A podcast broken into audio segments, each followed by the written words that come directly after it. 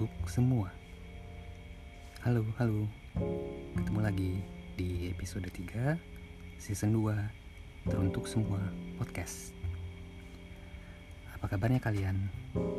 Semoga selalu dalam keadaan sehat dan baik adanya ya.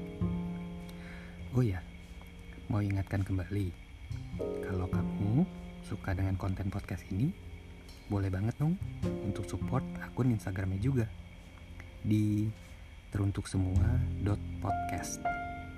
Yuk kita berbagi cerita dan tumbuh sama-sama.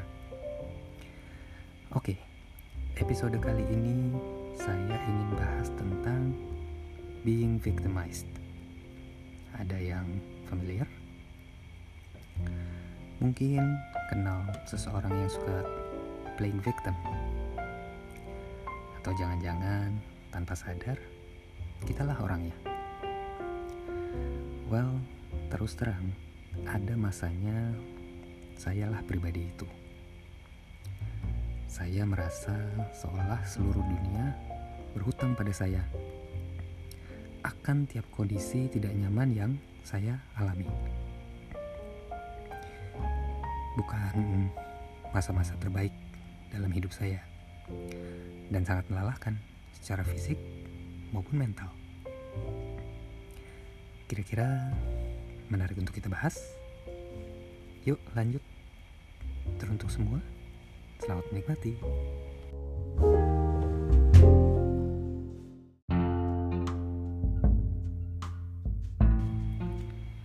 Berasal dari kata victimize, definisi menurut kamus Oxford artinya to make somebody suffer unfairly because you do not like them, their opinions, or something that they have done. Jadi, perilaku menjadikan seseorang sebagai korban karena ketidaksukaan kita akan dirinya, perilakunya, ataupun pandangannya. Being victimized yang akan saya bahas kali ini adalah bentuk pasifnya. Jadi, kitalah korbannya dalam skenario ini. Kurang lebih bisa diartikan sebagai pola pikir yang menempatkan diri kita sebagai korban dari ketidakadilan. Baik itu saat berinteraksi dengan sesama ataupun saat berada di kondisi sulit. Perilaku yang terasosiasi biasanya tidak bisa menerima keadaan, mudah tersinggung, dan cenderung untuk selalu menyalahkan pihak lain. Pada akhirnya bisa jadi mengasihani diri dan mengecilkan diri kita sendiri. Sangat manusiawi sebenarnya jika ini terjadi tanpa sadar.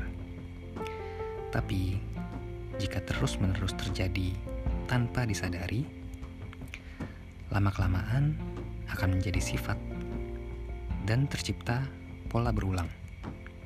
Bagaimana kita memandang dan menjalani kehidupan. Berangkat dari pengalaman pribadi, tidak ada hal baik yang tercipta dari pola ini. Baik itu tanggapan sekitar kita dan juga bagaimana kita memandang diri kita di akhir hari. Kalau diingat, malu sendiri. Bagaimana kala itu saya adalah seorang yang penuh dengan amarah dan juga meledak-ledak dalam keseharian. Nah, bagaimana saya akhirnya perlahan bisa keluar dari siklus tersebut? Lucunya, hidup mempertemukan saya dengan pribadi-pribadi hebat yang akhirnya membawa saya pada pelajaran-pelajaran berharga. Saya percaya bukanlah suatu kebetulan semua terjadi dan memang sudah saatnya untuk berubah dan berbuah. Singkat cerita, saya mulai menyadari bahwa hidup ini kita yang pegang penuh kendalinya. Kejadian demi kejadian dalam hidup baik ataupun buruk, tidak mendefinisikan siapa kita. Hanya merupakan cerminan akan sesuatu dari diri kita. Dan bagian kita cukup mencari maknanya.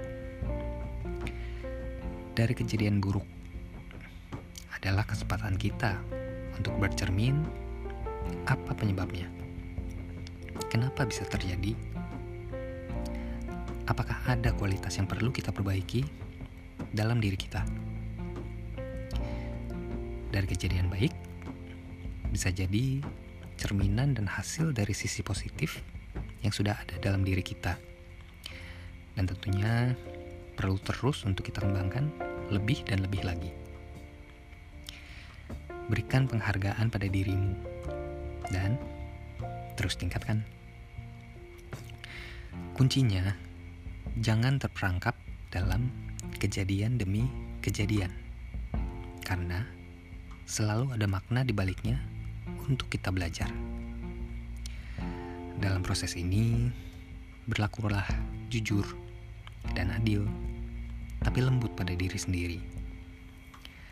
Rutin lakukan refleksi, introspeksi, dan jangan lupa apresiasi diri kita sendiri. Mungkin terdengar mudah ya, padahal pada prakteknya membutuhkan latihan dan merupakan proses yang akan berlangsung seumur hidup kita. Yang pasti, dengan menyadarinya saja, kita sudah maju satu langkah menuju diri kita yang lebih baik.